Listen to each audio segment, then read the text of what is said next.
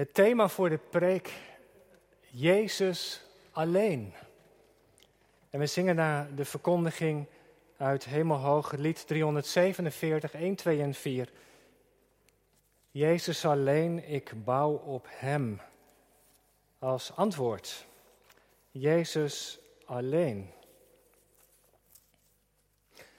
Gemeente van Christus, broeders en zusters, jongelui, jongens en meisjes. Het Bijbelgedeelte dat we hebben gelezen zou je in één zin kunnen samenvatten. Held valt van zijn sokkel. Het standbeeld van een Joodse rabbi wordt omvergehaald. En dat is wel een actueel thema. Gaat een heuse beeldenstorm door de westerse wereld. Helden van vroeger worden zonder pardon van een sokkel, van een voetstuk getrokken. We zagen het in verschillende landen gebeuren. En waarom?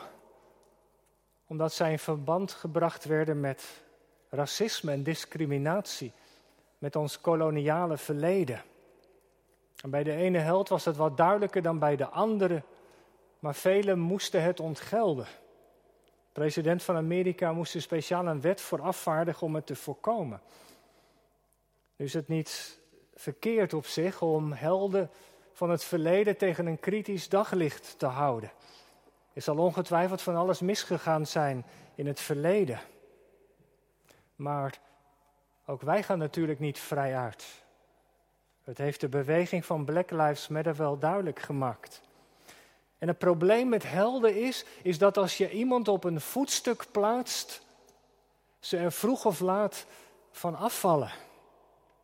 Want hoeveel wij mensen in het leven allemaal wel niet kunnen bereiken, we blijven mensen met een lek en een gebrek. Er valt altijd wel wat op aan te merken. Zeker als journalisten gaan graven in het verleden van iemand, dan komt er vaak zoveel weer boven.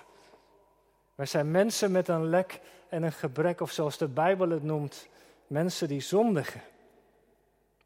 Lijkt me trouwens vruchtbaarder om ons niet op het verleden te richten. We kunnen van het verleden leren, maar juist op wat vandaag anders moet. Daar hebben we onze handen al vol aan, denk ik. Paulus. Als er iemand zichzelf op een sokkel zag staan, dan was dat Paulus wel. In het Bijbelgedeelte dat we hebben gelezen noemt hij maar liefst zeven wapenfeiten. Zeven dingen waarop hij bijzonder trots kon zijn. En ik loop ze met u even langs. Als u uw Bijbel open hebt, dan kunt u dat in de versen drie en verder ook gewoon volgen. Paulus, als Jood, besneden op de achtste dag. Hij stamde uit een vrome en trouwe Joodse familie. Twee, hij was uit het geslacht van Israël. Drie, van de stam Benjamin. Paulus was geen proseliet, een heiden die later tot het Jodendom is overgegaan, maar iemand die uit Israël afkomstig was. Nota bene uit de stam Benjamin. Uit deze stam, zoals u misschien wel weet, kwam de eerste koning van Israël. Dat was koning Saul. En Paulus is naar deze Saul, die eerste koning, vernoemd, want zijn Joodse naam is Saul Shaul. In het Grieks is dat Saulus geworden. En wij kennen de apostel via zijn Romeinse naam Paulus. Maar hij had door zijn ouders de naam Saul gekregen als een verwijzing naar de eerste koning in Israël. Hij was uit de stam Benjamin.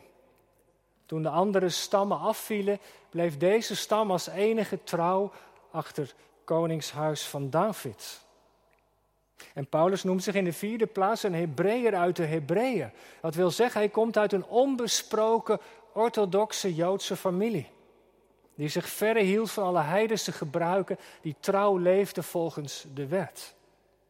Zo was min of meer de afkomst van de apostel. Hij was in een gespreid Joods bedje gekomen, ter wereld gebracht. En dan noemt hij drie zaken waar hij zelf invloed op had. Vijf, wat de wet betreft, zegt hij, was ik een fariseer.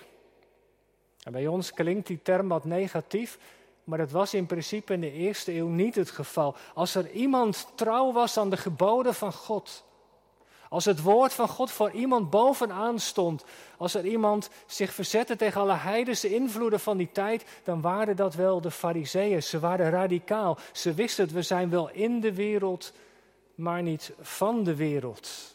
En Paulus komt uit die behoudende traditie. Hij was zelfs door zijn ouders vanuit Tarsus helemaal naar Jeruzalem gestuurd om daar aan de voeten van Gamaliel de wet te bestuderen. Gamaliel was een van de beroemdste wetsleraren van die tijd. Een betere godsdienstige opleiding was niet denkbaar. Vijf. Wat de ijver betreft was hij een echte, in het Grieks, zeloot. Een strijder. Zoals in het verleden Pinias dat was. Hij ijverde voor de zuiverheid van het volk van God tegen alle heidense invloeden. En zo ook Paulus. Hij streed voor de zuivere godsdienst en daarom trad hij op tegen die afvallige secte van de Joden die achter de Messias in hun ogen waren aangegaan, die christen waren geworden. Zij waren afvallige Joden. En zeven, wat de wet betreft, leefde hij onberispelijk. Paulus was in zijn ogen een echte tzaddik. Niets was er op zijn vroomheid aan te merken. Als je dus iemand uit de Joodse traditie van die tijd op een sokkel, op een, op een voetstuk moest plaatsen, dan kwam Paulus zeker wel in aanmerking. En misschien zag hij zichzelf in gedachten op zo'n voetstuk staan. Ik, Paulus. Maar Paulus is hardhandig van zijn sokkel gegooid. Hardhandig van zijn vrome sokkel. Is op de grond gevallen omdat er een stem was die met grote kracht naar hem toe kwam. Saul, Saul, waarom vervolg je mij? En weet u, die stem had veel eerder geklonken in de geschiedenis van Israël. Uit de mond van David. Toen Saul hem achtervolgde en naar het leven stond, riep hij een keer: Saul, Saul, waarom vervolg je mij? En nu klinken diezelfde woorden uit de stem van de waarde zoon van David. Saul, Saul, waarom vervolg je mij? Ik ben Jezus, de persoon die hij zo verafschuwde, leefde. De Messias. En het is deze ontmoeting die Lucas in Handelingen 9 vertelt, die Paulus van zijn voetstuk blaast. Jezus wie hij zich met hand en tand, tegen wie hij zich met hand en tand verzette. Jezus die hij zo verafschuwde. Deze Jezus is er door God beloofd te redden. Paulus, je zit fout. En als je dat even op je laat inwerken, wat een impact. Wat een indruk moet die ontmoeting gemaakt hebben. Als je ineens oog in oog komt te staan met het licht van de hemel, oog in oog met de levende Heer. Als het licht van Gods heiligheid over je leven valt, als Hij onthult je diepste intenties, hoe het ervoor staat in je hart. Dan sta je aan de grond genageld. Paulus valt van zijn rijdier, van zijn sokkel. Alles wat hij dacht, dat was het dus niet. En wat moet dat schokkend en pijnlijk voor de apostel geweest. Met alle goede, vrome bedoelingen zat hij toch op een verkeerd spoor. En het is de ervaring van mensen die op een radicale manier tot geloof gekomen zijn. De ervaring van Paulus, een Paulusbekering. En soms hoor je hun verhalen. In het programma God verandert mensen of als je kijkt naar Hour of Power, dan kom je soms van die verhalen tegen, afgelopen zondag nog. Iemand die helemaal de verkeerde kant op was gegaan, in de drugs, in allerlei dingen die God verboden had. En hoe door een stem, door een ontmoeting, door een visioen, ontmoeting kwam met de Heer Jezus. En hoe alles kantelde. Door pijn en schaamte heen. En dit moet voor Paulus ook een van de meest pijnlijke moment in zijn leven geweest, die onthulling van God. Paulus, zo niet. Je zit op het verkeerde spoor, je verzet je met alles wat in je is tegen de Messias zelf. En tegelijk ook een van de meest heilzame momenten. Hij zegt er later zelf over: Het behaagde God zijn zoon aan mij te openbaren. Christus arresteerde hem voordat hij christenen kon arresteren in Damascus. En die ontmoeting daar zorgde voor de grote ommekeer in zijn leven. Ineens gaan de ogen van de apostel open voor wie de Heer Jezus is, voor de genade en liefde van God die naar hem toe komen. Jezus die je, die je niet afschrijft, maar, maar die je zelfs in dienst neemt. Hoe kan het? En ik weet niet, maar, maar misschien herken je er ook iets van uit je eigen leven. Die ene keer daar, of zomaar tijdens een dienst. Een aanraking van God. Op het gebed via het woord. Je leven kwam op een ander spoor terecht. Opeens viel het licht van God over je leven. En je zag hoe het ervoor stond. Je schrok. Of je voerde liefde en je bloeide open. Een nieuw verlangen wakker geroepen. En uit wat we gelezen hebben, is dat wat er bij Paulus gebeurt. Die ontmoeting heeft een verlangen wakker geroepen. Er is maar één verlangen in zijn leven en dat is de Heer Jezus beter leren kennen. Eén ding doe ik. Volgende week hoop ik daarbij stil te staan. Hij weet het zeker. Alles wat voor mij winst was, wat belangrijk was, waar ik zo helemaal druk mee was, dat haalt het niet bij Hem. Bij de persoon van de Heer Jezus. Paulus zegt het heel radicaal. In vergelijking met Hem is mijn leven, mijn verleden vuilnis. Letterlijk nog bagger. Het staat in geen verhouding tot Hem. Bagger, vuilnis. Ja, dat is wel erg radicaal, hè? Je ziet het bij mensen die op een bijzondere manier tot geloof gekomen zijn, die zo, zo enorm zwart-wit zijn. Het is alles of niets, zo radicaal. Vroeger zat ik fout, deed ik verkeerde dingen en nu, nu ben ik helemaal in de Heer. Ik mag een nieuw leven leiden, alles is anders. Je denkt bij jezelf, zou het zo radicaal zijn? Heb je geen terugval? Doet je verleden er niet meer toe dan? Dat wat je hebt meegemaakt, dat je, wat je hebt ontvangen, was dat allemaal fout? Een bagger, zoals Paulus hier zegt? Nou, Paulus lijkt het wel te zeggen. Maar dat is natuurlijk niet waar. De gaven die je kreeg, de dingen die je van God hebt ontvangen, die je hebt geleerd voordat je de Heer Jezus kende, die zijn niet onbelangrijk. Dat is, om zo te zeggen, geen weggegooid geld.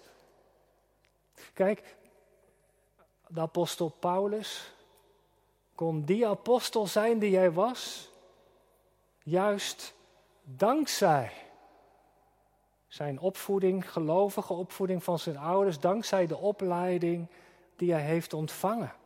Als Paulus niet zo goede kenner van de wet was geweest, als hij niet zo getraind was door zijn leraar Gamaliel, als de apostel Paulus niet zo'n gedreven persoon was geweest als hij was, dan had hij nooit als apostel zoveel kunnen betekenen.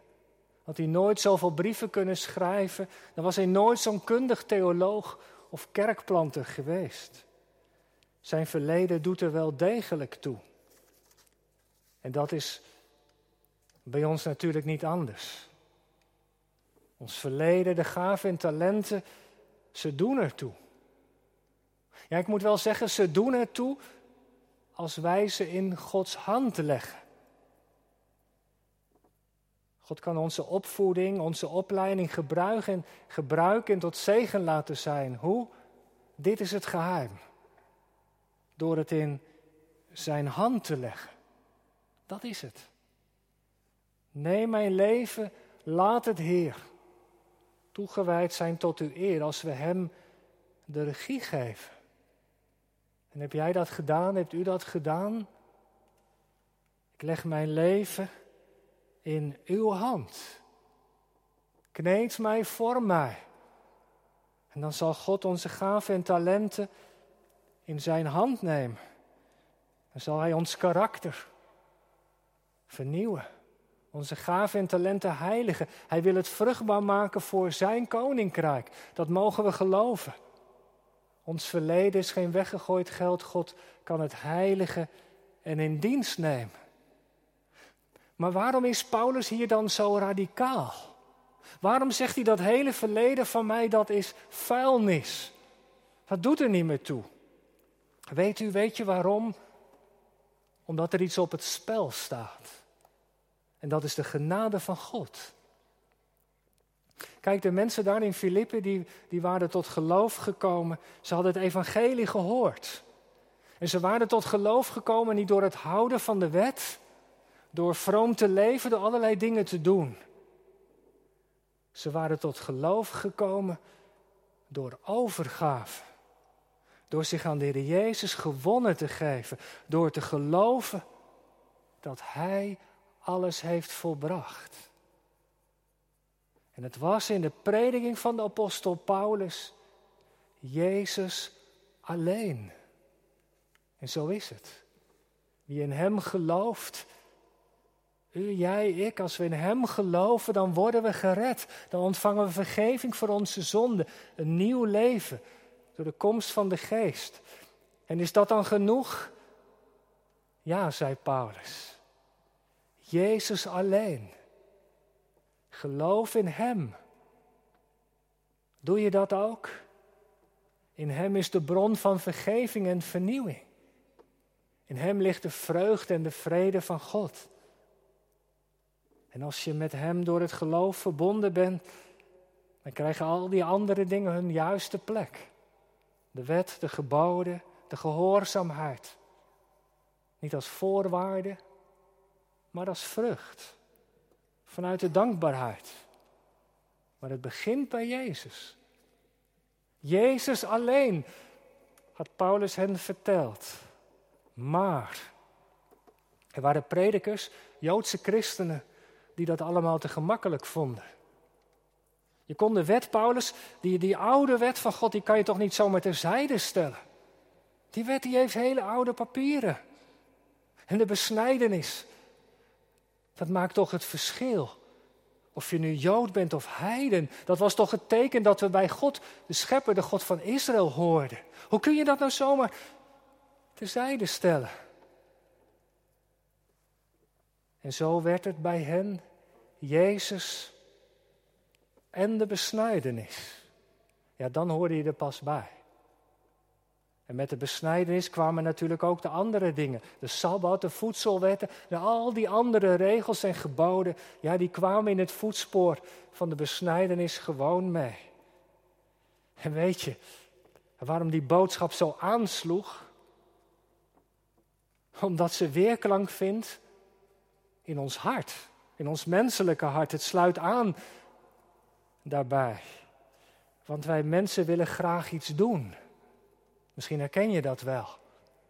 Ontvangen van genade leven, dat kost vaak zoveel moeite. Ik herinner mij een voorval toen ik in Chili was. Ik was door een collega-predikant op, meegenomen op pad. We gingen allerlei dingen bezoeken. We gingen samen eten en ik stelde voor om de rekening te verdelen, om ook een aandeel in de kosten te, te, te, te betalen. En toen zei hij dit, hij zegt, Gerrit, je moet ook leren ontvangen. Van genade leren leven. Ja, dat kostte mens, dat kostte mij moeite. Paulus loopt hier op het scherpst van de snede. Als het niet langer Jezus alleen is, dan komt vroeg of laat ja, de mens weer centraal te staan. Wat je doet en wat je kunt. En dan komen de voorwaarden en regels. En voordat je het geweten raakt, de genade op de achtergrond. En daarom is Paulus zo scherp. Nee, hij schaft de wet niet af. Die is heilig en goed. Die wet is ook door de Jezus vervuld. Maar de wet is geen voorwaarde voor de genade. Eerst de genade, dan de wet. Paulus is dus scherp ook over zijn eigen verleden, omdat er dus iets op het spel staat. Als er naast de genade nog iets nodig is, dan gaat het mis. Als ik dat jongens en meisjes in één zin zou moeten samenvatten, dan is het dit. Kun je wel onthouden, hè? Jezus plus iets, iets van ons, dat is niets. Jezus plus niets, dat is alles. En alleen als de Heer Jezus centraal staat, dan kan er vreugde en vrede zijn. Let even op hoe hij begint in dit hoofdstuk. Hij zegt: Verblijd je in de Heer. De vreugde in de Heer, dat gaat erover dat je blij bent over wat Hij heeft gedaan. De Jezus die Paulus had verkondigd, die zijn leven daar aan het kruis Golgotha gaf voor de mensen, voor de zonde van onze mensen. Hij heeft het voor jou gedaan. En die boodschap die raakte het hart. En de verwondering kwam en de vreugde. Hij is de bron van vergeving en blijdschap. En broeders en zusters, dat vieren we toch ook in het avondmaal. Het avondmaal gaat niet over wat wij allemaal doen, over de voorwaarden waaraan we moeten voldoen. Het gaat om wat de Heer Jezus voor ons heeft gedaan. We komen met lege handen. Er hoeft helemaal niets bij. En zo alleen kan er vreugde zijn en verwondering. Het gevaar dat, dat er toen speelde, Jezus plus iets, dat was niet alleen iets van toen, dat is iets van alle tijden. Ook wij hebben moeite om van genade te leven. En weet u, zo, zo gaat het. Het zijn vaak goede dingen. was toen ook zo, de wet. Spijswetten, de sabbat, allemaal dingen die belangrijk en goed waren. Maar ze kunnen ook al gaandeweg de genade roven. Zo kunnen er genaderovers zijn. De kerkvader Tertullianus zei eens dat de Jezus gekruisigd was tussen twee rovers. Want er zijn twee rovers van het evangelie. Aan de ene kant, genaderover, is dat je denkt, nou, God vergeeft mij toch wel. Het maakt niet uit hoe ik leef. Maar ja, dat is goedkope genade. Genade zonder bekering. Dan volg je de weg van je vlees. En de andere genade erover, dat is wetticisme. Je keurig en vrome leven. Vertrouwen op Jezus, ja, maar ook dit. En dan kan er van alles volgen dat je bij de juiste kerk behoort. Dat je een bepaalde bekeringservaring hebt of zondebesef. Jezus plus bepaalde gaven van de geest. Jezus plus een bepaalde visie op Israël. Of ga zo maar door. Maar het punt is dit. Als het Jezus is, plus iets. Wat er dan zo vaak gebeurt, is dat dat iets, dat je daarop je vertrouwen gaat stellen. Hoor je bij de Heer Jezus? Ja, want. En dan volgt die ervaring die je had, die opvatting, die gewoonte. En het kan onbedoeld worden tot de kern waarop je je vertrouwen stelt. Het geeft zekerheid en onderscheid. Je kunt je afzetten tegen anderen die er allemaal niet aan doen, je beter voelen. En het zijn op zich allemaal goede dingen. De wet, Israël, de gave van de geest, het zondebesef. Alleen niet op deze plaats. Jezus plus iets van ons is niets. Het is daarom in de prediking van het evangelie Jezus alleen. En dat vraagt lege handen. En broeders en zusters, laten we dat appel van de apostel meenemen vanmorgen en tot ons laten doordringen. Want het gaat zo in tegen alles wat we gewoon zijn. Als je gaat solliciteren, dan is je cv belangrijk. De dingen die je gedaan hebt en die je bereikt hebt, hoe voller je cv, hoe makkelijk deuren voor je open gaan. Zo werkt het gewoon. Het speelt een rol bij een sollicitatie. Ook bij relaties natuurlijk. Kijk eens hoe leuk ik ben. De kleding die ik draag, wat je op Insta zet, wat je post op de social media. Andere dingen, het huis wat je bereikt hebt tot nu toe. Het kerkenwerk, je status. Ik geloof in Heer Jezus.